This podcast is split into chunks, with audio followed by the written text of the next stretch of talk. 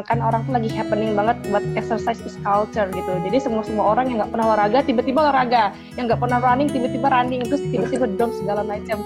Itu kan mungkin kita sebagai eh, sebagai fisioterapi yeah. banyak banget ya dok yang harus dijelaskan kepada mereka.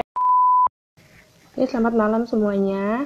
Ini adalah sesi kedua dari uh, sesi Saturday Movement kita. Jadi hari ini kita akan bincang-bincang banyak tentang uh, prevention dan manajemen injury sama Dr. Andy Wijaya di PT. Nah, sambil nunggu ya, jadi sebenarnya um, visio uh, media visio ini terutama uh, lebih membahas tentang kasus untuk bisa untuk di satu demo ini minggu ini kita akan bahas tentang training program, baik itu pencegahan maupun program penanganannya gitu cedera. Oke, sambil nunggu, Dokter Andy mungkin boleh kalau yang sudah punya pertanyaan langsung komen aja di bawah ini ya. Oke, saya hai dulu buat teman-teman profesi semuanya yang udah ikut gabung. Makasih banyak. Terus ada Sasana Fisioterapi. Halo, apa kabar? Halo. Oh, halo, selamat malam, Dok. Apa kabar? Baik, baik. Apa kabar? Alhamdulillah. Di sana gimana, Dok? Aman, baik. ya, soalnya karena saya lagi di luar Jawa, jadi kondisi kalau di luar Jawa sih di Sumatera masih uh, alhamdulillah baik ya. New, normalnya udah berjalan sih. Gitu. Hmm, kalau saya kan di Jakarta, di Jakarta ya. Mm -hmm saya juga belum keluar rumah jadi masih belum tahu ke depannya gimana tapi ya semoga baik oke okay, oke okay. mm -mm. semoga baik semuanya oke okay. terima kasih banyak ya dokter Andy Wijaya di PT jadi hari ini kita akan bahas tentang pencegahan dan mm. program penanganan uh, untuk cedera dok ya untuk injury mm. jadi mm. sebelum dulu dok mungkin bisa diceritain dulu um, background dokter sebelumnya pengalaman dulu deh tentang okay. ambil untuk training injury kenapa sih untuk lebih interest ke sana gitu? Ke training uh, so soalnya uh, dari dulu emang suka olahraga ya. Dari mungkin dari SMA itu udah suka olahraga dan udah suka okay. nge-gym latihan beban. Hmm. terus kemudian uh, belajar-belajar kan aku uh, kalau S1-nya aku itu ngambil biomedicine. Jadi belum fisioterapi. Oh iya Oke. Okay. Gue. Jadi pas S1 itu kan masih kayak um, umum banget ya biomedicine, jadi kayak belajar anatomi lah, fisiologi semuanya. Mm. Tapi mm. belum spesifik ke fisioterapi. Um, mm. Terus kemudian di waktu S1 um, emang banyak baca-baca jurnal segala macem. Kebetulan aku ngambil exercise fisiologi dan um, oh, oke. Okay. Yang membuka wawasan aku mungkin waktu itu adalah bahwa exercise itu bukan cuma bisa gedein otot atau strengthen doang tapi bisa mengurangi rasa sakit and can um, help with uh, many condition gitu. Jadi makanya aku ngarah lebih fisioterapinya ngarah ke strength training and exercise. Oke. Okay. Mm-hmm. Terus gimana nih tanggapan dokter kayak sekarang kan orang tuh lagi happening banget buat exercise is culture gitu. Jadi semua semua orang yang nggak pernah olahraga tiba-tiba olahraga, yang nggak pernah running tiba-tiba running, terus tiba-tiba dom segala macam itu kan mungkin kita sebagai eh, sebagai fisioterapi yeah. banyak banget ya dok yang harus dijelaskan kepada mereka yang basicnya nggak tahu tapi Betul. pengen nih olahraga gitu itu gimana dok? Betul. Mungkin kalau tips simple dari aku kalau olahraga apa pun itu aman selama nggak tiga hal ini selama nggak terlalu cepat selama nggak terlalu sering dan selama nggak terlalu intens. Oke. Okay. Jadi ketika olahraga apa pun ketika pelan-pelan dan terkontrol dan tentunya tekniknya benar dan nggak tiba-tiba misalnya kayak nggak pernah lari terus tiba-tiba lari mm seminggu tiga kali lima kilometer itu mungkin terlalu banyak. Jadi mungkin kalau jadi mungkin kalau yang baru um, gara-gara exercise culture baru mulai lari mungkin bisa coba dulu mm lari seminggu taruh dua kali dua kilometer terus lihat gimana. Kalau aman nggak apa-apa mungkin kita bisa minggu depannya tambahin lagi. Jadi kuncinya sebenarnya pelan-pelan sih. Apa pun yang dilakukan okay. selama nggak terlalu cepat terlalu intens dan terlalu sering itu aman. Kalau menurut aku sih gitu. Biasanya. Mm -mm. Mm -mm. Iya benar banget sih dok karena mm. karena juga kan kita kita mau cari kesehatan kebugarannya jadi jangan malah bikin injury lagi ya dok ya apalagi uh -uh. apalagi kalau yang udah punya mungkin uh, sebelumnya beberapa riwayat penyakit tertentu Betul. karena kan uh, bener-bener uh, menggaungkan exercise is culture itu bukan cuma di anak muda aja ternyata betul semuanya. Ya ternyata kan kalau kita kalau kita ya kalau kita lihat di lapangan tuh uh, bukan lansia pun juga pengen ikut sehat tapi ya itu mungkin betul. mereka nggak terlalu berpikirkan oh punya gula yang tinggi atau apa segala macam gitu dok ya. Betul setuju. Tentunya kalau untuk yang udah lumayan tua tentunya cek kesehatannya dulu dan tanya um, lihat dulu gimana kondisinya. Apakah ada kondisi jantung diabetes darah tinggi kolesterol harus lebih hati-hati aja. Hmm. oke okay, gitu Nah, mungkin ini dok uh, sedikit pertanyaan dulu ya dari kita sambil, sambil nunggu pertanyaan dari audiens. Jadi uh, untuk prevention dulu deh mencegah cedera dok. Menurut hmm. dari pengalaman dokter dan pendidikan yang selama ini sudah ditempuh, prinsipnya sendiri yang paling betul gitu apa dok? Jadi biar selama ini orang-orang yang dengar di sini kan ada fisioterapi juga, basicnya ada yang orang awam ya dok. Jadi boleh dokter jelasin dari awal, is oke okay, nggak apa-apa. Biar kita okay. juga sama-sama belajar. Ya. Pertanyaan aku cedera apa dulu? Cedera ngapain? Hmm, uh, running tadi boleh udah dibahas ya, jadi biar enak.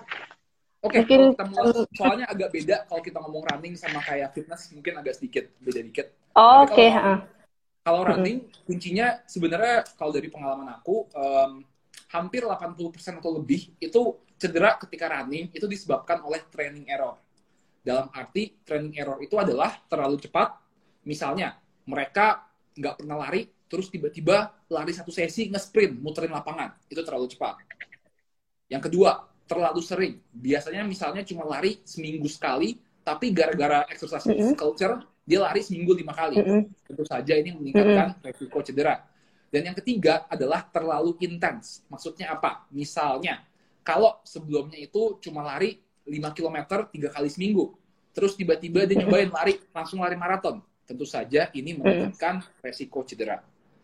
Jadi sebenarnya mungkin um, konsep dasarnya adalah tubuh manusia itu bisa beradaptasi dengan segala macam beban yang diberikan selama bebannya itu nggak terlalu berat. Jadi untuk mencegah cedera lari atau cedera apa pun, yang mesti kalian lakukan adalah pelan-pelan meningkatkan intensitas dan volume latihannya. Dan biasanya ini yang kebanyakan orang itu rada um, rada susah untuk kontrol diri. Kan misalnya kan kayak kalau lagi niat itu kan bisa seminggu. Oh iya niat lagi niat lari seminggu enam kali. Lagi lihat ngejim yeah, bener banget. seminggu langsung sehari dua kali gitu kan. Mungkin itu yang mesti dikontrol kalau dari secara umum. Oh ya dok coba kita balik lagi ke temanya ya training. Hmm. sebelumnya nih dok mungkin sebagai pemula banget yang pengen uh, exercise training gitu mungkin ya hmm. buat mau dapetin hipertrofi otot kan. Kayak sekarang orang-orang hmm. kan kayak nggak terlalu berpikir apa sih manfaatnya lebih ke uh, gue mau kelihatan bagus nih gitu uh, gitu dok kan itu kebanyakan okay. salah banget ya dok nah mungkin bisa dokter kasih edukasi dulu mm -mm. Okay. apa sih pertama um, kali yang harus dilakukan ya gitu Hmm, Oke, okay. mungkin um, kita bah aku aku bahas dulu yang tadi yang um, orang kira um, nge itu bikin otot itu kayak masih ada banyak orang yang anggap bikin otot itu nggak ada fungsinya cuma buat looks doang dan itu sangat-sangat salah. Kenapa? Karena untuk melakukan aktivitas sehari-hari, berjalan, naik tangga, dan semua aktivitas itu Anda membutuhkan kekuatan otot yang cukup. Nah, di sini, ketika kalian masih muda, tentu saja kalian nggak akan menjadari hal-hal ini. Soalnya kalian masih bisa bergerak, masih bisa segala macam hal. Tapi seiring dengan bertambah tua, itu uh, masa otot kalian mau nggak mau pasti akan berkurang mungkin kurang lebih aku lupa umurnya itu mungkin di umur 40 ke atas atau 50 ke atas setiap tahun itu berkurang mungkin satu persen masa ototnya ketika tidak dilatih makanya jadi exercise itu penting supaya kalian itu punya cadangan masa otot di masa mudanya dan biar di masa tuanya nanti itu masih bisa beraktivitas dan masih bisa melakukan aktivitas yang kalian inginkan apalagi untuk wanita soalnya wanita itu di atas umur mungkin 45 atau 50 ke atas ada yang namanya menopause. Kalau menopause hmm. itu tentu saja um, resiko ketika menopause hormon-hormonnya tentu akan berubah dan biasanya yang terjadi pada wanita itu banyak tulangnya mengalami pengeroposan. osteoporosis. Nah, di sini strength training itu juga bisa ngebantu banget supaya pas menopause, meskipun tulangnya berkurang, Anda masih punya cadangan tulang yang kuat gara-gara latihan beban tersebut. Jadi, um, exercise itu fungsinya bukan cuma sekedar dari badan six pack atau berotot, tapi untuk um, melakukan aktivitas sehari-hari. Dan biasanya kalau orang muda nggak sadar kayak bangun dari kursi itu kan kita pakai otot. Hmm, bener banget. Bener banget. Karena karena Dan- masih muda masih bisa gitu dok ya. Kalau udah tua nanti begitu nggak bisa baru dia mikir oh dia Baru mikir, dia iya. dia. dan dan mungkin yang yang aku mau sampaikan juga kebanyakan orang di sini Mm-mm. salah biasanya mereka udah tua aduh udah nggak bisa udah aduh udah bangun udah susah nih ah, udah nggak mau dilatih malah makin parah malahan Iya, bener dilatih terus jangan malah jangan malah males-malesan jangan malah tiduran doang mesti banyak berjalan malah kalau udah tua Iya. Mm-mm. Oh ya dok nih sudah ada pertanyaan dari Rian underscore Surya. Dok mau tanya nih dengan dengan berat badan yang sudah termasuk obesitas dan dulunya punya riwayat cedera ACL, apa boleh melakukan olahraga lari untuk menurunkan berat badan atau ada saran olahraga lain? Um, jawabannya tergantung mungkin sekarang ini mungkin bisa diperjelas riwayat ACL-nya apa tapi aku assume aja mungkin ini nggak nggak operasi kali ya kalau dia ngomong kayak gini apa Iya iya mungkin mungkin iya. mungkin mungkin partial tear atau apa nggak operasi Heeh. Em, oke kalau kita ngomong kasus seperti itu anda punya riwayat cedera ACL tapi nggak sampai putus total gitu mungkin gini ACL itu kan fungsinya adalah untuk em, change direction atau pivoting jadi untuk mengganti arah. Dalam arti ketika aktivitas yang anda lakukan itu straight line lurus itu kemungkinan besar aman selama anda mempunyai masa otot yang cukup. Ototnya nggak atrofi mungkin gitu sih. Jadi kalau untuk sarannya Rian mungkin em, kalau mau lari mungkin cari tracknya yang beneran lurus jangan yang tanjakan yang yang ada banyak batuan itu nggak bagus nanti. Kayak gitu aja sih kalau untuk secara umum ya. Tentu saja mesti dicek dulu tapi secara umum seperti itu Atau mungkin dok ada saran olahraga lain mungkin fitness lain seperti exercise atau leg press gitu boleh nggak dok? Bo, em, sekali lagi boleh, boleh banget, boleh banget. Secara aman, secara mungkin kalau secara umum leg press aman untuk ACL, leg press atau bahkan em, sit eh, squat dengan teknik yang benar atau bahkan lunges dengan teknik yang benar. Jadi bagus intinya adalah meskipun anda nggak bisa menumbuhkan ACL-nya kembali dengan natural, tapi anda bisa menguatkan otot-otot di sekitar lutut yang ini bisa membantu fungsi anda itu. Nah itu nih penting, penting banget nih buat dicatat ya Rian ya. Jadi eh, fokus kita kalau udah ada cedera sesuatu yang nggak bisa buat di repair selain dengan olah dengan latihan, kita bisa tingkatkan kita punya otot segala macam dok ya. Itu yang bisa dimaksimalkan untuk eh, menutupi gitu atau menggantikan kerja fungsinya itu Betul. sendiri. Ya. Oke, Bener banget. bener Betul. banget. Nah dok, em, pengalaman dokter nih, em, gimana sih kalau misalnya memang Hmm. eh, peminatnya nih kebanyakan kadang kan nggak ben- nggak bener-bener usia muda ya dok, nggak bener-bener di usia 20-an. Betul. Kalau kebanyakan kebanyakan yang udah pengen olahraga tapi di usia 40-an. Betul. Itu Oke. saran dokter pertama kali, saran dokter pertama kali untuk apa sih latihan training yang paling bagus pertama kali untuk mereka gitu. Oke. Di sini um, boleh hmm. boleh dulu eh menyamping menyampingkan penyakit-penyakit bawaannya gitu. Anggap aja orangnya oke gitu normal. Oke, mungkin eh, mungkin yang perlu di kita ketahui dulu adalah em, apakah orang 40 tahun tersebut sering olahraga, maksudnya udah sering latihan, apakah jarang latihan? Maksudnya kalau udah sering latihan tentu saja berbeda dengan orang yang belum pernah latihan bahkan nggak pernah workout seumur hidup gitu. Sekarang kalau kita Oke. misalnya ngomongin orang 40 tahun, dia nggak pernah olahraga seumur hidup, terus tiba-tiba mau mulai olahraga, Eh, mungkin oke. Agak susah juga soalnya kita mesti consider faktor-faktor lain juga. Dalam arti apakah ada riwayat misalnya kolesterol, darah tinggi atau penyakit jantung. Karena kalau ada riwayat-riwayat seperti itu ketika kita ngasih cardiovascular exercise tentunya mesti lebih hati-hati. Kalau disuruh jogging segala macam. Tapi anggap aja nggak ada. Jadi ada banyak Mm-mm, Depannya nggak ada gitu. ya anggap aja nggak ada mungkin saran yang aku em, saranin start start with walking mungkin start with jalan jalan cepet that's a good start atau jalan nanjak itu that's a good start for buat, orang tua jalan nanjak. Terus mungkin sa- salah satu lagi adalah coba ngelakuin em, hal-hal di rumah yang biasa dilakuin, tapi bikin menantang. Misalnya, kalau em, ya duduk bangun aja, sit to stand dari kursi. Kalau misalnya sebelum makan, ya 10 kali dulu. Atau setiap pagi bangun tidur 10 kali. Oke, That's a ha. good start. Hmm, Nggak harus kayak nyempetin waktu, oh ya, saya bakal 60 menit exercise, tapi perbanyak aktivitas dan gerakan-gerakan fisik setiap harinya. Mungkin itu sih dari aku. Mm-mm. Bener banget dok. Jadi gitu ya dok ya. Jadi mungkin dimulai dulu secara perlahan karena kan di usia yang sudah lanjut itu nggak gampang juga dok ya. Gitu. Walaupun Betul, kondisinya bisa, walaupun bisa dianggap stabil, cuma kan resikonya lebih besar gitu dok. bener banget. Oke, bener terus banget. uh-uh. ada yang bertanya lagi nih dok dari Reza, Reza Oliverdi.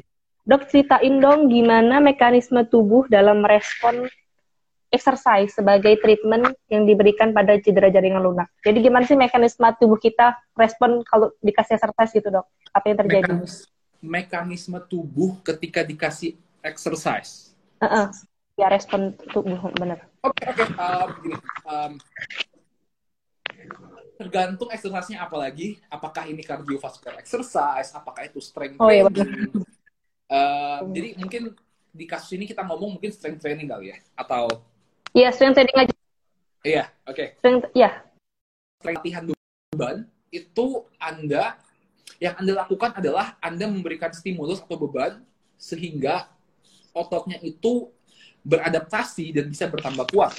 Jadi pas kalian mengangkat beban itu kalian menghancurkan otot Anda. Jadi pas ngangkat bebannya itu kalian nggak ototnya nggak tambah besar, tapi ototnya malah dihancur dulu. Kemudian pas istirahat, pas restnya baru ototnya bisa beradaptasi dan bisa bertambah kuat kunci untuk adaptasi ini adalah bebannya itu harus optimal. Nggak terlalu ringan, nggak terlalu berat. Kalau bebannya terlalu ringan, maka nggak ada adaptasi. Kalau bebannya terlalu berat, Anda bakal cedera. Jadi mesti di tengah-tengah. Kurang lebih seperti itu Oke. mekanismenya. Nah dok mungkin mungkin bisa dikasih contoh kali dok beban yang optimal untuk eh, berapa sih gitu? Misalnya berat badan 50 gitu. Eh, beban yang optimal Biar lebih jelas. beban yang optimal tergantung dari masing-masing orang, tergantung dari exercise Mm-mm. apa juga. Dan sekarang pertanyaannya Oke. optimal untuk apa? Apakah untuk strength, apakah untuk endurance, apakah untuk masa otot? Tergantung. Jadi untuk eh, misalnya oke, kalau Untuk kita strength. ngomongin ke situ mungkin eh, para penontonnya mesti mengerti konsep repetisi maksimum dulu. Konsep repetisi maksimum adalah Iya. Misalnya kalau saya ngomong 6 repetisi maksimum, itu artinya saya bisa mengangkat atau melakukan exercise tersebut 6 kali dan di repetisi ketujuh saya fail. Kalau misalnya saya ngomong 11 repetisi maksimum, berarti saya bisa mengangkat 11 kali di repetisi ke-12 itu fail. Oke? Jadi, em, dalam strength training, efek yang dicapai itu secara besar ada tiga. Pertama, strength. Kedua, hypertrophy atau massa otot. Ketiga, endurance kalau beban yang Anda angkat itu lumayan berat, sekitar 1 sampai 6 repetisi maksimum, fokusnya akan lebih ke strength.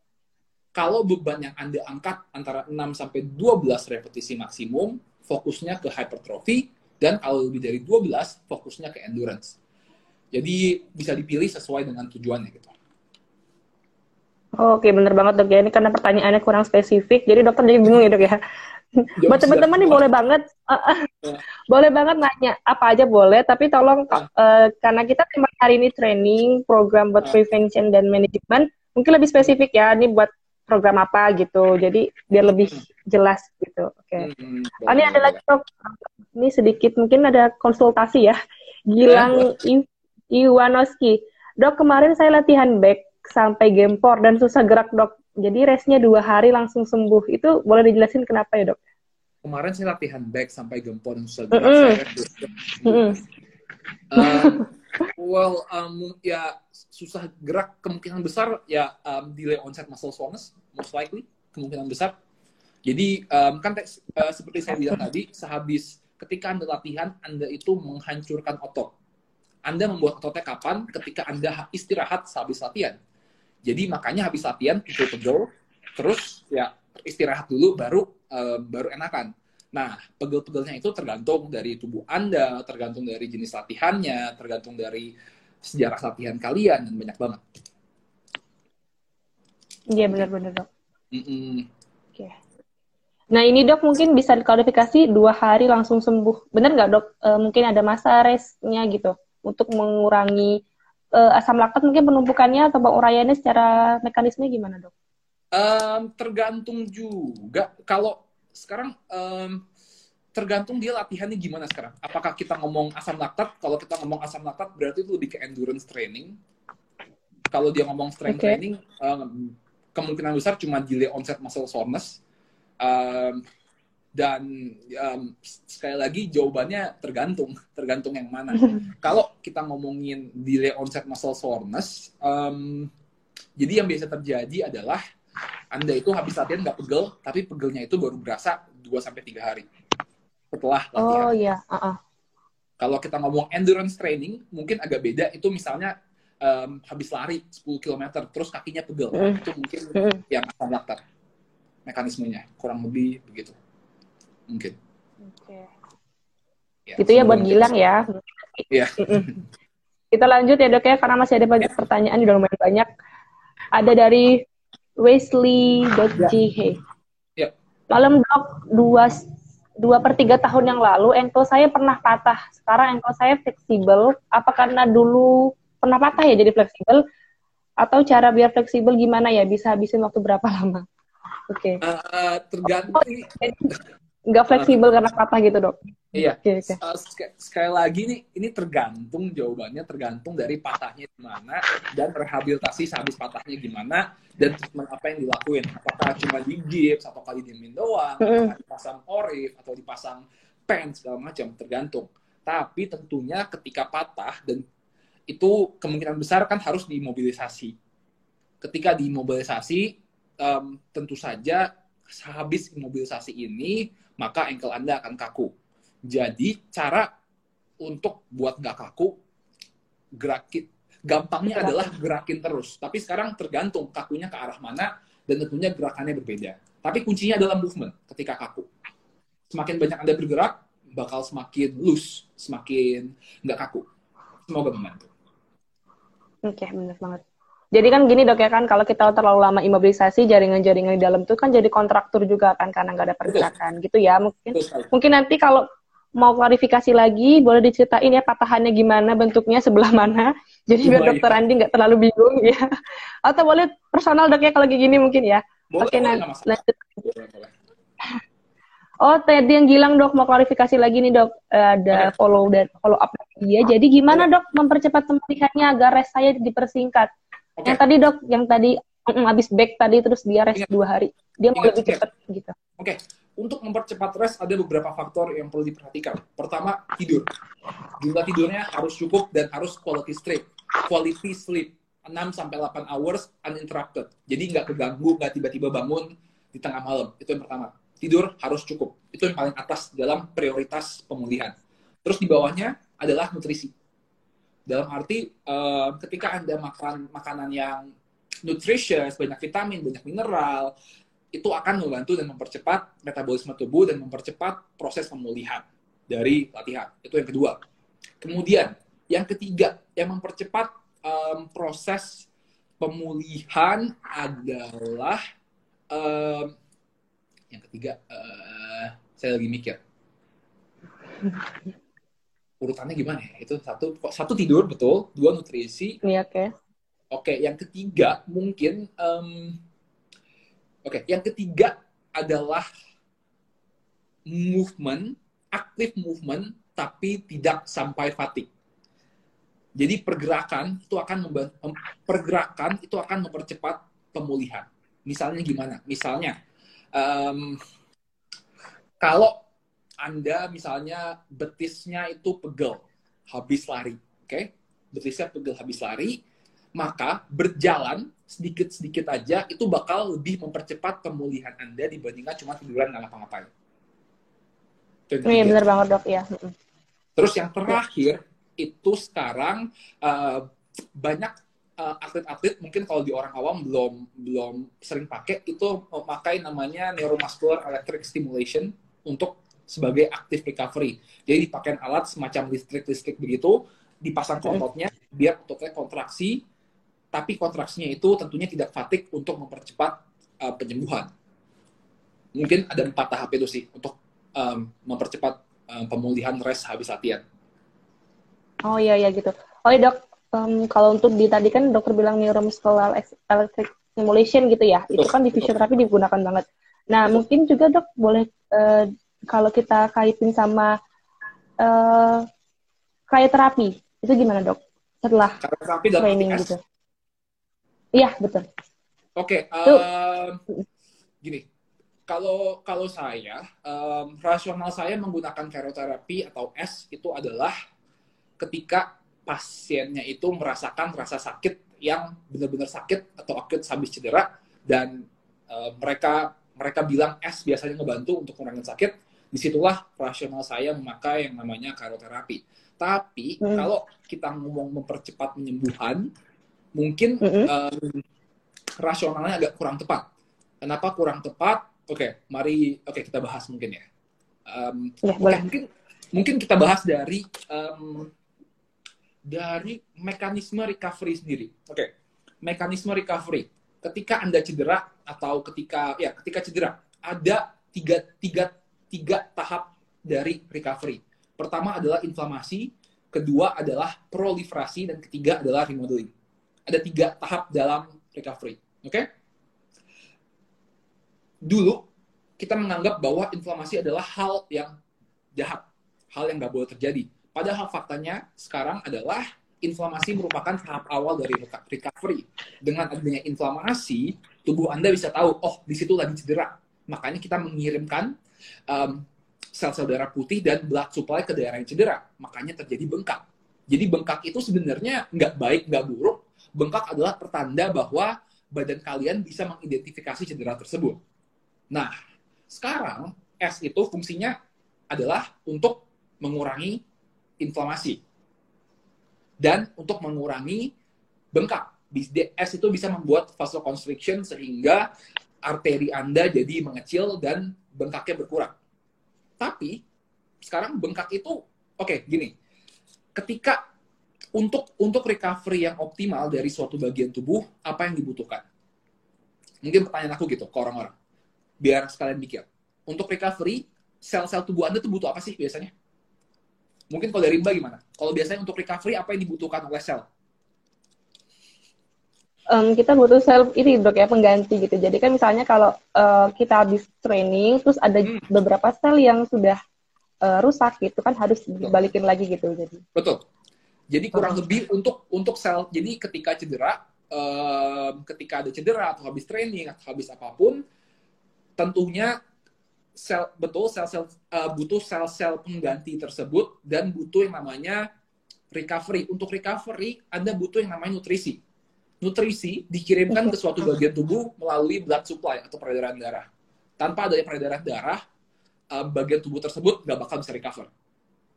Nah, sekarang rasional memakai es, mungkin di zaman dulu itu um, orang-orang baik yang menganggap bahwa es itu bisa mengurangi bengkak, bisa mengurangi inflamasi.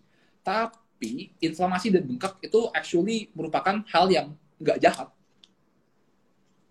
Kurang lebih seperti itu kalau dari fisiologinya. Mungkin kalau ada yang nggak jelas bisa ditanyakan di komen. Agak sedikit uh, padat. Bener-bener panjang banget dok ya. Kalau mau dijelasin tergantung juga iya. case-nya dok ya. Iya kurang lebih. Tergantung okay. case dalam arti uh, penggunaan S nggak salah, tapi ketika hmm. rasional Anda adalah untuk mengurangi rasa sakit, penggunaan S ya nggak apa-apa. Hmm. Karena S memang efektif untuk mengurangi rasa sakit. Tapi kalau rasionalnya adalah ingin mempercepat penyembuhan, mungkin kurang tepat. Jadi tergantung dari clinical reasoningnya kalau menurut saya sih.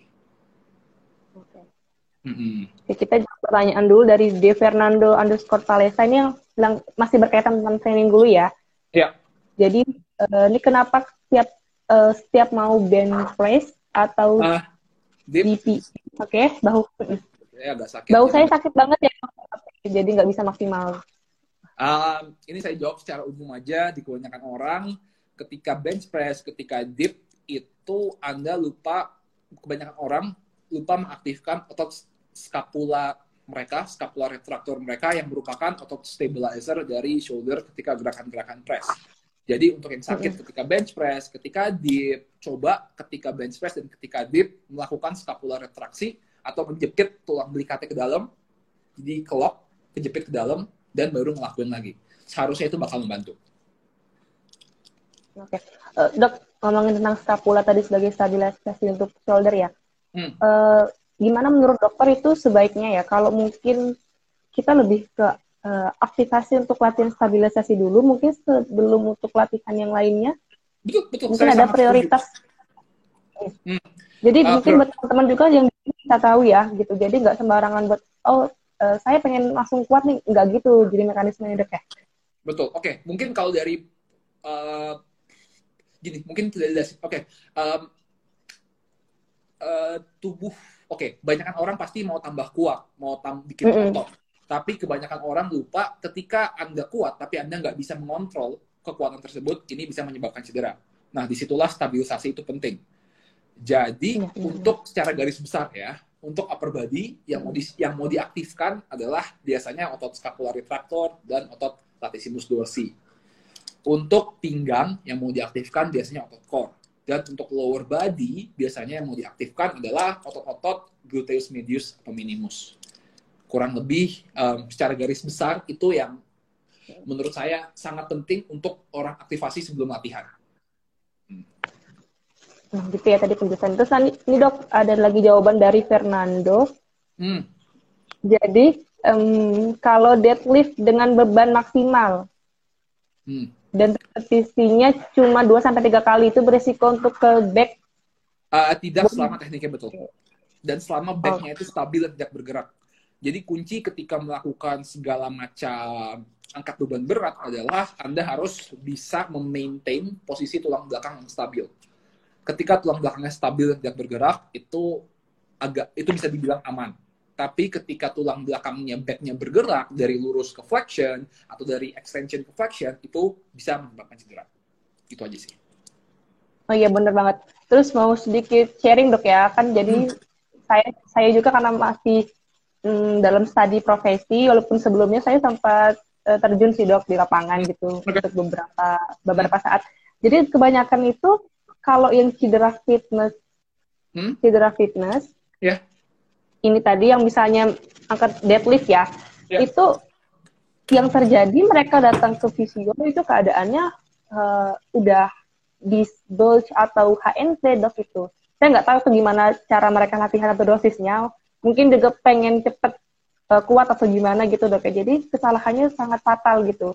Padahal usia 20-an, 20-an sampai 25, usia sangat muda banget. Tapi karena mungkin tidak latihan stabilitas dulu, akhirnya cedera yang terjadi cukup parah di tulang belakang. Betul. Uh, mungkin ya aku tambahin sedikit, itu emang sangat sering terjadi banget. Um, dalam arti, hmm. biasanya ketika masih muda, orang-orang itu pada mau tambah kuat. Kalau biasa kita nyebutnya ego lifting, dalam arti uh, tekniknya belum benar, stabilitasnya belum ada, udah mau ngangkat beban berat. Itu yang biasa terjadi di anak-anak muda. Dan ya tentunya ini sangat tidak disarankan dan bahaya bisa menyebabkan cedera seperti tadi dibilang HNP. Tapi ketika oke okay, ketika menangani hal-hal tersebut, uh, I think kunci utamanya adalah mencari tahu penyebab dari well pertama-tama tentunya kita mesti mengurangi rasa sakitnya dan lain-lain kalau ada otot yang kaku atau gimana. Tapi kita mesti mencari penyebab cederanya. Apa yang nyebabin cedera misalnya apakah teknik yang kurang optimal sekarang kalau kita ngomong teknik yang kurang optimal dari gerakan apa yang kurang optimal jadi mesti lebih detail spesifik ke arah situ sih kalau menurut aku jadi kalau misalnya lagi kita ngomongin deadlift atau squat, beban berat, HNP, biasanya yang terjadi adalah back mereka rounded atau lumbar flexion ketika mengangkat beban. Hmm. Itu salah satunya.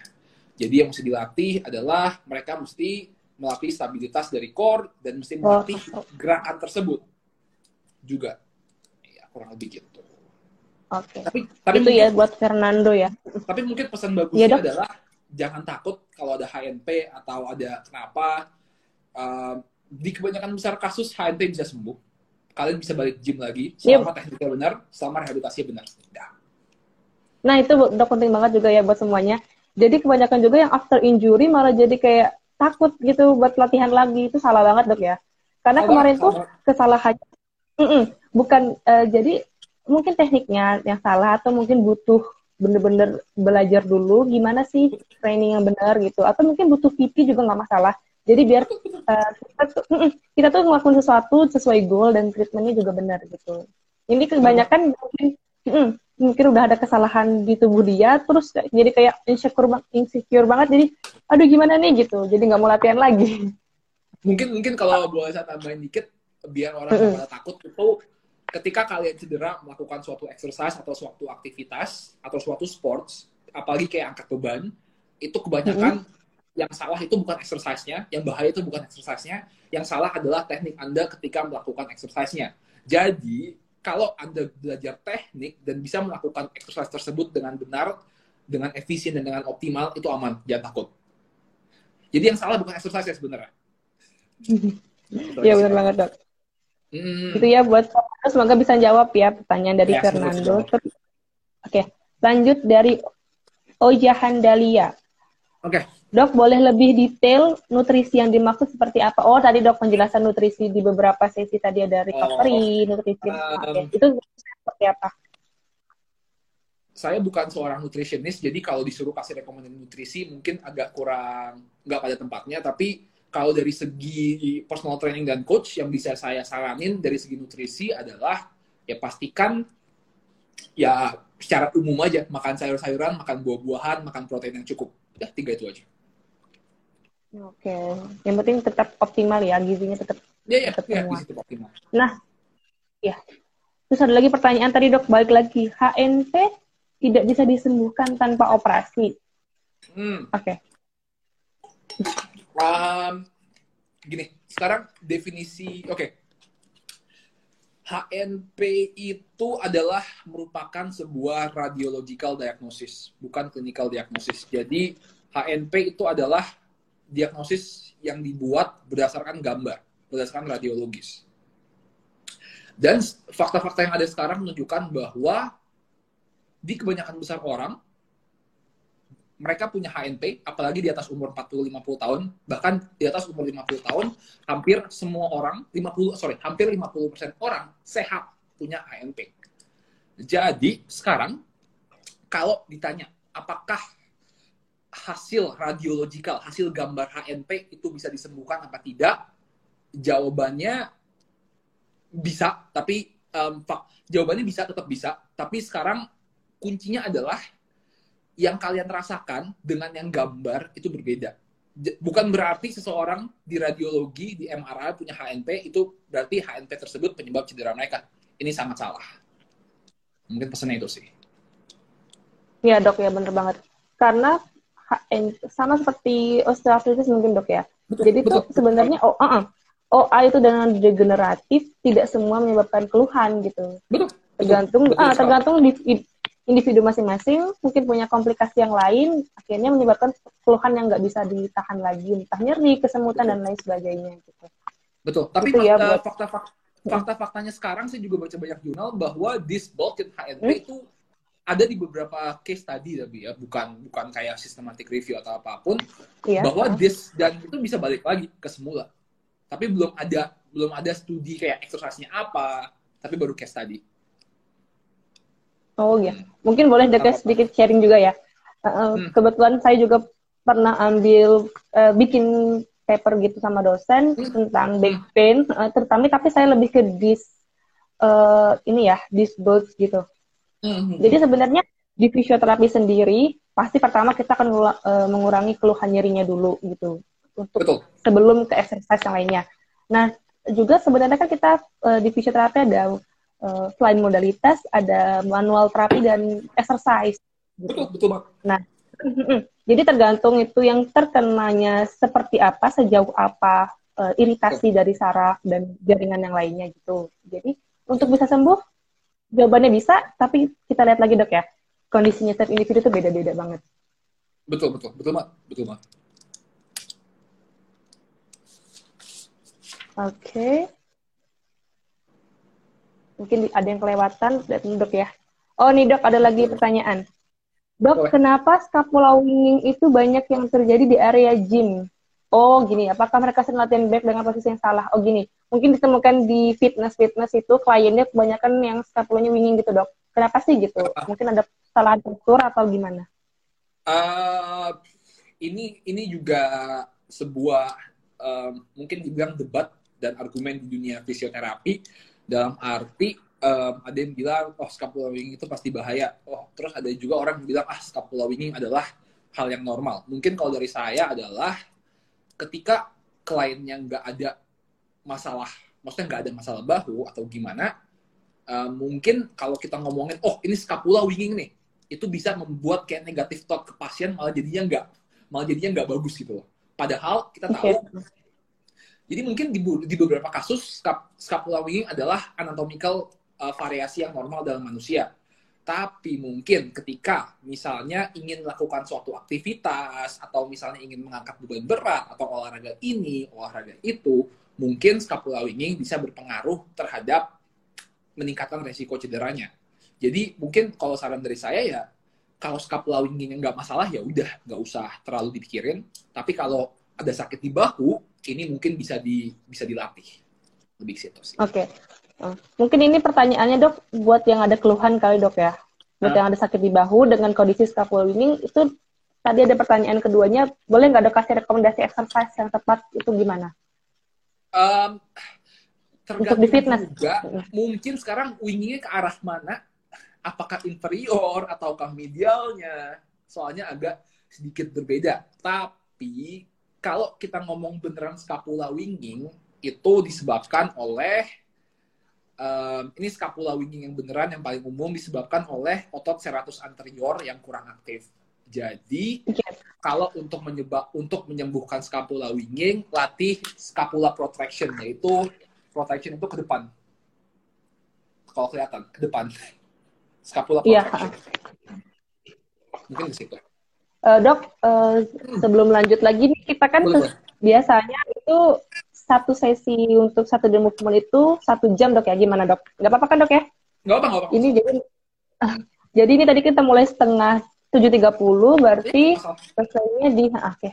selesainya masih ada 15 menit lagi buat yang mau bertanya silakan ya masih ada waktu dok ada pertanyaan tadi berkaitan dengan back pain jadi gimana hmm. dok bedain bedain itu LBP atau HNP oke okay. sebenarnya HNP itu LBP dok ya boleh dok mungkin dijelasin biar jelas untuk Nafrida Uh, mungkin gini, uh, oke. Okay. Uh, um, mungkin kita mulai dari kita mulai dari klasifikasi. Oke, okay. kita mungkin kita mulai dari klasifikasi yeah. dari low back pain. Uh, ya, boleh, sekarang boleh. ini di hampir di konsensus banyak orang di seluruh dunia itu menyetujui bahwa uh, kita itu membagi low back low back pain menjadi tiga tipe. Yang pertama adalah non specific back pain, di mana ini yang paling sering terjadi yang kedua adalah nerve related pain dan yang ketiga adalah red flag. Jadi di kebanyakan kasus kita itu udah nggak ngomong HNP lagi, disc bulge atau facet joint, tapi kita klasifikasi itu dalam non-specific back pain. Jadi kalau saya pribadi, saya meng melihat dan mendiagnosis low back pain itu berdasarkan gerakan fungsional Anda bukan berdasarkan gambar atau tes-tes spesifik. Misalnya, kalau Anda itu pas duduk baiknya sakit, pas bungkuk ke bawah sakit. Terus tapi kalau pas jalan enakan, pas tidur tengkurap enakan. Nah, itu berarti Anda mempunyai flexion intolerance. Semua gerakan flexion sakit, makanya jangan kita kasih flexion, extension oke, okay, kasih extension. Misalnya begitu. Oke, ini bagus banget nih dok. Soalnya mungkin hmm. teman-teman selama ini di fisioterapi atau teman-teman yang lainnya di, uh, di fitness juga hmm. lebih berpikir ke uh, gimana sih membedakannya secara klasifikasi dan uh, pemeriksaannya gitu dok ya. Jadi hmm. ada beberapa instrumen pemeriksaan gitu. Ber, ber, uh, jarang sih dok kalau langsung melihat ke gimana sih gerak fungsionalnya karena kan itu mungkin juga butuh um, jam terbang juga dok ya. Buat yang sudah terbiasa mungkin oh dilihat aja oh I see gitu ya udah tahu oh ini pasti back ini gini gini gitu uh. jadi buat teman-teman juga jadi tambahan dan ilmu buat kita semua jadi jangan cuman diperiksa dan dilihat hanya dari penunjangnya aja dok ya mungkin mungkin saran mungkin saran dari saya juga um, mm -hmm. ketika nanganin back pain itu mestinya dari interviewnya atau history takingnya Anda itu udah bisa klasifikasi um, ini apaan apakah bahaya refleks ataukah ada hubungan dengan saraf ataukah ini yang non spesifik jadi soalnya okay. saya sering saya sering lihat bahwa kebanyakan fisioterapi mengandalkan assessment dan tes-tes spesial dan mereka lupa bahwa interview itu lumayan penting banget mungkin situ Iya bener banget dok. Oke. Okay. Hmm. Makasih dok ya. Terus kita lanjut lagi ke. Boleh boleh. Oke, okay, ini aku ini sedikit menarik hair conditioner. Dok kalau bahu sakit pas uh. latihan lateral raise, ya. oke? Okay? Yeah. Dan latihan melibatkan bahu lainnya tidak sakit. Apakah boleh tetap latihan dengan beban berat? Um, ya secara umum nggak secara umum mestinya nggak masalah. Mm -hmm. Ya, gitu sih. Oke, okay, jadi nggak nggak apa-apa ya. Nggak apa-apa. Oke, pertanyaan lagi dok dari Reza Oliverdi. Hmm. Kayaknya semangat banget nanya terus. Oke.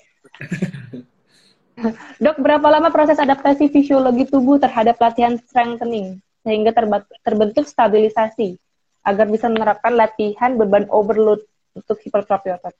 Uh, silakan dok. Mungkin, mungkin uh, yang konsep yang mesti dimengerti dulu, strength dengan stability itu beda. Strength adalah kemampuan Anda menggerakkan suatu bagian tubuh itu strength. Saya misalnya ini ada botol, saya bisa dorong ke depan pakai bahu saya. Ini strength. Kalau stability adalah kemampuan bagian tubuh Anda untuk tetap stabil ketika digerakkan. Misalnya, ini tangan saya, saya dorong, tetap stabil. Ini stability. Nah, jadi melatih strength dan melatih stability itu beda. Kalau melatih strength, sebagai contoh, kita ambil otot perut. Kalau kita melatih strength otot perut, kita melatih sit up, kita melatih gerakan crunch. Kalau kita melatih stability atau perut, kita melatih plank dan um, bird dog dan lain-lain. Jadi mungkin konsep itu yang mesti dimengerti dulu. Sekarang kalau kita ngomong adaptasi fisiologi tubuh, ketika awal-awal latihan, mungkin 2 sampai 4 minggu latihan itu um, yang bekerja yang menyebab biasanya orang itu pasti bertambah kuat dan yang menyebabkan pertambahan tenaga ini bukanlah penambahan masa otot tapi adalah neuromuscular adaptation dalam arti badan Anda terbiasa dengan gerakan tersebut sehingga Anda bertambah kuat. Kemudian hypertrofi otot itu mungkin kira-kira datang 6 sampai 12 minggu latihan. Itu baru penambahan kekuatan Anda itu uh, berasal dari hypertrofi. Mungkin fisiologinya situ sih. Oke. Okay. Jadi gitu ya tadi okay, ya. Jadi mungkin, jadi mungkin tambahan dikit. Jadi kalau untuk program hyper kalau ingin hypertrophy yang optimal. Jadi jangan uh, pastikan ada program latihan yang konsisten selama 6 sampai 12 minggu. Jangan kayak tiap minggu ganti-ganti. Oke, itu 6 12 minggu itu konsisten, Dok ya? Jenis latihannya dan mungkin dosisnya Dok gimana? Um, dosisnya tergantung. Jadi, tapi maksud saya konsisten adalah misalnya nih orang, oh iya, saya mau bikin otot. Oke, minggu pertama, kedua dia strength training. Tapi terus minggu keempat eh, minggu ketiga keempat dia nggak strength training dia lari doang tentu saja ini belum kebentuk ototnya gitu loh kalau program oh, iya, latihannya okay. tergantung banyak uh, tergantung dari bisa berapa lama latihan tergantung dari banyak sih yang bisa dikonsiderasikan dalam membuat program mm-hmm. Yang penting gak bikin program sendiri yang asal-asalan dok ya betul betul Jadi walaupun kita di masa pandemik ini di rumah aja, tapi tetap kan bisa banget konsultasi lewat uh, telepon atau apa pun gitu. Jadi, mm -mm. cuman yang saya senang banget nih dok uh, melihat situasi sekarang banyak juga sih yang semangat gitu ya latihan di rumah. Mungkin karena nggak ngapa-ngapain, bosen iya. kali ya makan tidur makan tidur, terus tiba-tiba tiba-tiba ya tiba-tiba sakit pinggang terus bingung gitu kan. Itu jadi yang tadi bilang sama dokter terus udah paling benar dari awal sampai akhir dan mekanismenya gimana gitu ya. Jadi buat kalian semua mungkin yang bukan dari uh, fisioterapi ataupun uh, coach fitness penting hmm. banget ya exercise itu. Oke lanjut dok ya. Ada hmm. dari A Junior KD mau tanya dok gimana bedain OA sama bunion? Karena ibu jari saya pernah cedera namun tidak dibawa ke visio oke okay. sampai sekarang susah dibawa ke arah lateral. Gerakannya udah terbatas ke arah lateral. Cara bedain OA sama bunion ya secara teori kalau kalau kita ngomong OA ya nggak masuk ke dalam. Ya kalau bunion jempolnya masuk secara teori begitu. Tapi ya sekarang kalau udah tua ya kemungkinan besar bisa dua-duanya juga.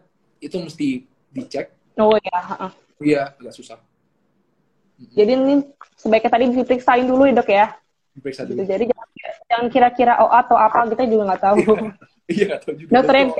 Jadi dok dokter Edi juga nggak bisa cuman baca pikiran doang ya jadi silakan diperiksain aja. Oke dari Yusra Madeni. Dok Hmm. secara medik mind muscle connection saat latihan gym apakah itu hoax atau benar? Mungkin pertanyaan saya definisi mind muscle connection itu apa oke mungkin si Yusra bisa langsung komen di bisa, sini. bisa bisa ya definisi mind muscle connection apa soalnya kebanyakan orang mendefinisikan mind muscle connection itu dengan berbeda-beda. Makanya terjadi sering terjadi perdebatan antara apakah ini benar atau itu salah. Dan studi-studinya juga eh, yang ada mereka mendefinisikan mind muscle connection secara berbeda-beda. Jadi mungkin pertanyaan saya ya definisi anda apa dulu nih tapi kalau dari dokter sendiri mungkin pernah ada literat- literatur atau ada evidence base yang udah dibaca tentang mind muscle Eh, iya, jadi tergantung. Dalam arti em, kebanyakan literatur yang saya baca itu mendefinisikan mind muscle connection beda- berbeda-beda. Jadi makanya ada orang yang bilang, oh iya, studi ini mengatakan mind muscle connection itu nggak benar. Tapi ada studi lain yang mengatakan, oh iya, mind muscle connection itu ada. Jadi tergantung definisinya apa. Kalau definisinya itu adalah em, em, sebenarnya gini sih, eh, agak panjang juga. Jadi mungkin kita, kita tunggu si Yusra Yusra Madeni aja. Kodifikasi lagi ya Definisinya apa? Nah, Soalnya ada banyak. Iya bener banget. Oke, lanjut aja dok ya. Hmm. Ini dari NCY Halim. Oke, dok apakah skoliosis yang hanya 5%, eh 5 Hmm. derajat sorry, yang hanya 5 derajat itu pengaruh ke low back pain saya ya? Solusinya apa? Terima kasih.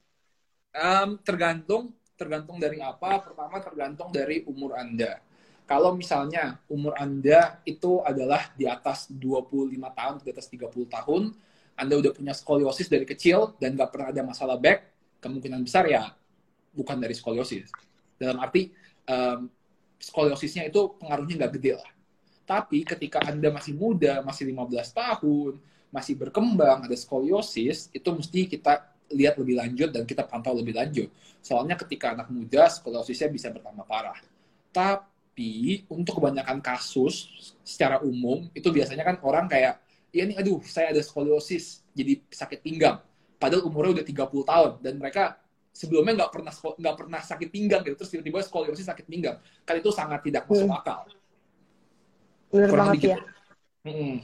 Kurang lebih Mungkin sedikit boleh dijelasin dikit Boleh. lagi dok buat Hmm. oh, buat saya juga jadi itu kan ada ini dok ya kita kan ada ambang batasnya dok ya Betul. seberapa berapa derajat sih skoliosis ini akan berpengaruh terhadap eh, gerakan dan juga secara fisiologis tubuh gitu karena kan 5 derajat itu menurut saya masih grade Tolerable. ringan dok ya Iya, itu masih mungkin back pain yang dirasain mungkin bisa mungkin banget ini bukan dari skolosisnya gitu. Iya, apalagi mungkin mungkin mungkin yang yang yang yang yang mau saya sampaikan tuh lebih kayak gini.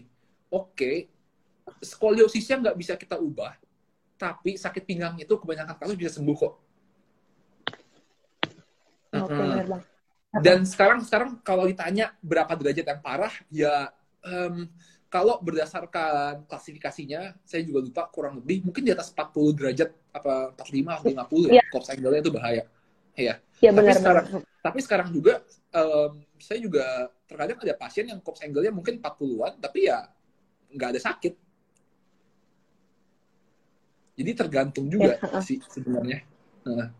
Hmm. Jadi gini dok ya mungkin bisa diambil garis tengahnya karena kita kan setiap individu memang istimewa gitu ya, spesial.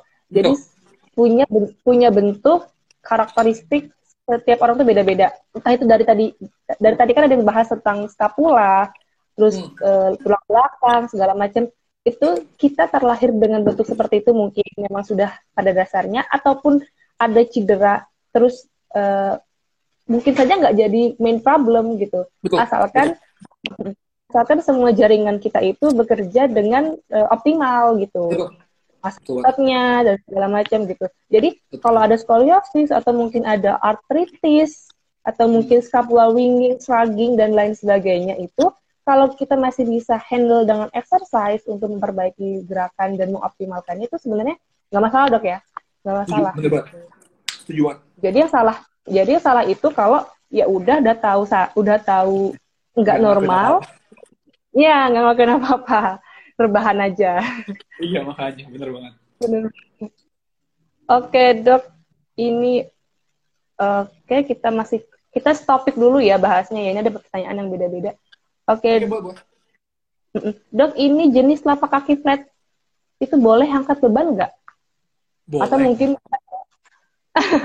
atau mungkin, mungkin, mungkin boleh dikasih gambarannya dok? Ya. Mungkin uh, gini, uh, zaman zaman dahulu kala orang menganggap bahwa flat fit itu adalah suatu hal yang bahaya. Oke, okay? jadi ketika flat fit orang menganggap uh, bukan orang bu, enggak, ini nggak salah sih ini konsepnya benar jadi tentunya ketika kakinya rata dibanding kakinya ada arch itu yang ada arch itu lebih stabil dibandingkan dengan flat fit. Ketika ketika ada arch maka beban tubuh anda akan terbagi rata di telapak kakinya. Kalau kalau flat gini bebannya nggak terbagi rata.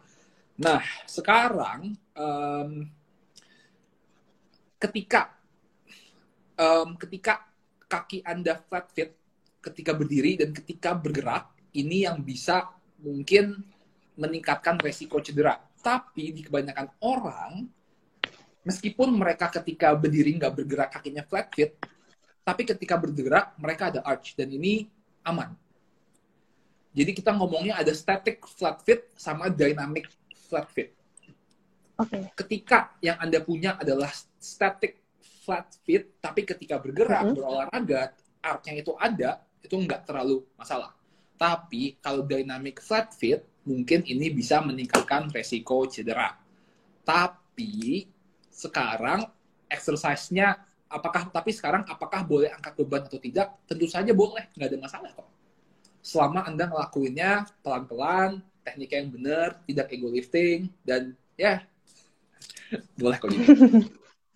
Oke. Okay kayak tadi ya udah dijelasin sama dokter ini di depan tadi tipsnya itu pokoknya yang penting jangan cepet-cepet jangan buru-buru kapan aja. Terus bertahap dok ya. Bertahap okay. betul banget. Oke gitu. Oh ya benar banget dok. Mungkin uh, ada saran dok? Kalau mungkin dia flat fit yang dynamic hmm. boleh pakai insole atau uh, um, saya lebih menyarankan melatih um, tergantung sih. Dalam arti insole terkadang membantu tapi insole mm -hmm. itu ibaratnya cuma insole itu sering disalahgunakan sekarang dalam arti mm -hmm. orangnya itu padahal cuma static fat fit terus dikasih insole terus lama-lama ketergantungan jadi ibaratnya insole itu kan um, insole itu bertujuan biasanya untuk mensupport arc-nya untuk mensupport uh, flat fit tersebut mm -hmm. ketika ketika sebenarnya dia itu cuma static flat foot pas bergerak itu ada artnya dan ketika dikasih um, ketika dikasih support lama-lama kelamaan artnya bakal males dan ini malah malah detrimental di di kemudian harinya malah jadi ketergantungan. Oke. Okay. Jadi, uh, jadi iya, mungkin iya. jadi mungkin konsep yang orang orang sering bahkan fisioterapis juga dan para dokter juga sering um, kurang um, kurang bukan kurang paham sih bahwa sebenarnya ya, di kaki itu banyak otot dan bisa dilatih juga. Mungkin tuh konsep yang nggak familiar ke orang-orang gitu loh. Halo. Oke okay, dok, maaf banget dok. Tadi udah ternyata udah limit time-nya iya, tapi nggak apa-apa. Oke, okay. tadi yang penting udah di save dulu. Soalnya ini penting banget. Kita tuh buat dokumentasi dan nanti buat uh, share di YouTube. Jadi teman-teman juga mungkin yang ketinggalan bisa lagi lihat. Oke dok, mungkin last ya tadi. Boleh lagi dijelasin dok? Mungkin tadi uh, per, uh, mungkin tadi pertanyaan yang terakhir aja. Boleh, boleh. sebelum kita tutup? Boleh. Um, jadi um, ya kebanyakan kebanyakan um, praktisi dan saya dulu juga kayak gini kayak kalau sakit misalnya kayak flat feet um, iya nggak ada artnya flat feet sering sakit di lutut oh coba pakai insole. Padahal mm -hmm. um, sebenarnya di telapak kaki itu banyak otot yang bisa dilatih. Dan bahkan art anda menjual art anda itu um, supportnya adalah nggak cuma plantar fascia tapi ada otot-ototnya juga. Seperti yang salah satu yang paling utama adalah otot-otot jempol. Abductor pollicis dan eh pollicis no hal uh, pollicis apa halusis ya? Halusis Halusis. halusis. Oke. itu jempol tangan abductor halusis Mhm. terutama dan flexor halusisnya juga. Eh, mungkin kalau yang di rumah pada penasaran coba sekarang um, eh, di kakinya mungkin saya kasih unjuk ini ini merupakan tes yang sering saya contohin. Jadi ini kan telapak kaki oke? Oke coba heeh. sekarang kalian coba sekarang kalian jempolnya masukin ke dalam seperti ini kayak jarinya rapetin oke Mm-mm, mm-mm. terus tekan kakinya ke lantai rasanya gimana oke udah rasain Oke, kayaknya susah ya dok ya kalau yang nggak pernah ngerasain. Oke, nggak pernah coba. rasain aja terus sekarang terus sekarang kita mau bandingin sama jempolnya lebarin jempol lebarin Heeh, heeh. terus tekan ke lantai Oke. ada bedanya nggak? Beda. bedanya apa Kalau pas dirapetin tuh kayaknya lebih. Kalau pas Bedanya dirapetin tuh ber- berasa force-nya lebih berasa sih. Kalau kita lebarin itu kayak nggak nggak terlalu berasa gitu. bener banget jadi Apa ya? ketika dilebar Properly ketika ketika, Heeh. ketika dilebarin itu otot um, abductor abductor halusisnya yang utama itu aktif dan mestinya berasa ketika lebar kakinya jadi ada arc-nya coba deh rasain lagi jadi arc ditambah mestinya Hmm, oke. dibanding biasa dengan lebar jadi kayak berasa ada ada yang ngeganjel di jempolnya Dan Jadi itu dok menurut dokter eh, latihan yang tadi yang dokter ta- udah udah kasih tahu tadi ya, udah dikasih tahu banget latihannya gimana. Itu sebaiknya kita emang harusnya barefoot aja dok ya daripada pakai insole atau gimana? Untuk Eh, tergantung juga enggak juga dalam arti insole itu juga ada manfaatnya tapi insole itu manfaatnya adalah untuk mengurangi rasa sakit pasien dan untuk supaya orangnya lebih nyaman tentu saja insole penting. Ada ada ada fungsinya. Tapi yang kebanyakan orang salah adalah mereka jadi ketergantungan sama insole jadi ibaratnya gini Oke. ibaratnya gini. Ibaratnya itu misalnya ketika anda habis em, habis cedera habis jatuh habis kecelakaan terus lututnya sakit nggak bisa jalan. Tentu saja pasti awal-awal pakai tongkat dulu. Iya benar. tapi ketika udah sembuh apakah bakal mas- apakah masih bakal pakai tongkat? Enggak dong. Mestinya latihan Enggak, biar nggak bisa pakai tongkat. Mm-mm. sama dengan insoles. Kebanyakan orang sakitnya udah hilang ah pakai insole terus seumur hidup. Lama-lama ototnya lemah Sugesti. Iya benar. lama-lama otot, otot jadi lemah. Ibaratnya kayak anda pakai tongkat seumur hidup ya tentunya otot pahanya melemah. Sama dengan otot telapak kaki. Jadi bukannya insole itu jelek bukan. Tapi em, pemakaiannya terkadang disalahgunakan. Dan konsep dari insole itu kadang-kadang orang suka salah. Orang suka nganggepnya oh iya eh, sakit ini emang nggak bisa disembuhin. Cuma bisa pakai insole makanya saya harus pakai padahal kita bisa melatih otot-otot telapak kakinya gitu Oke. sih.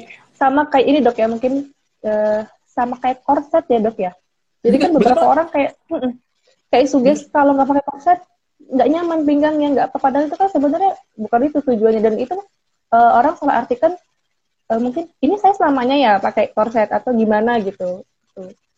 dan dan mungkin saya tambahin ketika ketika ketika ketika seorang memakai korset korset itu fungsinya adalah untuk menambahkan stabilitas dari otot perut jadi rasionalnya sakit pinggangnya berkurang ketika pakai korset lebih aman lah tapi ketika anda pakai korset otot-otot perut anda jadi nggak aktif lama kelamaan kalau pakai terus ujung-ujungnya ketergantungan dan ketika anda lepas korset sakit pinggangnya makin masalah sakit pinggangnya bakal makin masalah Iya Hmm. bener banget dok ya.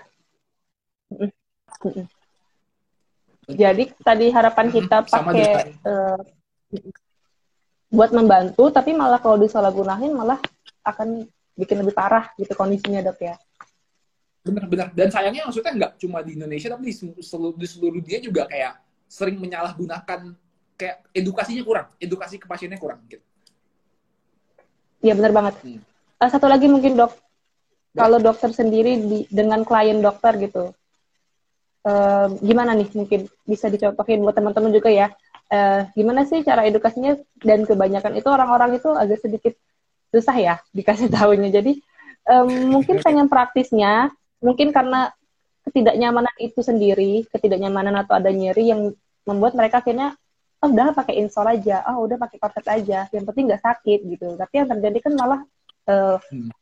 Otot sendiri jadi inaktif untuk jangka waktu yang panjang justru PR yang sangat besar untuk fisioterapi dan untuk dokter juga gitu ya. Benar. Mungkin ada edukasinya yang yang gampang atau tips mungkin dipakai Oke, pada mungkin- saat Mm-mm. Eh, mungkin eh, yang saya sering Oke, kalau kita ngomongin soal misalnya sakit pinggang pakai korset lah. Um, mm um, secara pribadi saya jarang banget bahkan nggak pernah menyarankan korset, tapi terkadang ada pasien yang udah pakai korset udah lama banget dan itu itu yang terkadang susah diedukasi. Yang biasanya saya um, saya bilangin ke pasien adalah saya menjelaskan, oke, okay, korset itu fungsinya adalah untuk mensupport dan meningkatkan stabilitas dari perut atau pinggang Anda. Oke? Okay? Mm -mm. Tapi yang mesti Anda tahu adalah badan Anda itu punya supportnya sendiri, punya otot-otot core yang bisa berfungsi sama dengan korset ketika Anda mau melatihnya. Jadi, jadi biasanya saya serahkan lagi ke pasien. Dalam arti, ya kalau ibu atau bapak um, mau pakai korset selamanya, ya silahkan, nggak ada masalah keputusan Bapak, tapi saya sangat tidak menyarankan dan saya ada opsi yang menurut saya lebih baik, yaitu Bapak melatih otot-otot perutnya dan lama-kelamaan korsetnya bisa nggak usah dipakai lagi. Jadi kan ujung-ujungnya kita hanya edukasi dan dibalikin ke pasien lagi keputusannya sih, kalau menurut aku gitu. Tapi kuncinya adalah mesti ngejelasin secara detail. Dalam arti, ya sebenarnya otot perutnya itu bisa diperkuat dan lama-lama nggak usah pakai korset. Mungkin lebih ke situ sih jadi buat bantu mindsetnya dulu dok ya Betul. dari pasien itu sendiri benar uh jadi beberapa juga mungkin sakit itu psikisnya jadi psikologi bukan dari problem utamanya. Oke okay, mak uh, dokter Andy makasih banget untuk hari ini. Jadi Thank ini you. udah sebenarnya udah limit banget dok ya udah melewatin batas jadwal Hello. kita hari ini tapi makasih banyak. Dan ada trouble sedikit teknis tadi.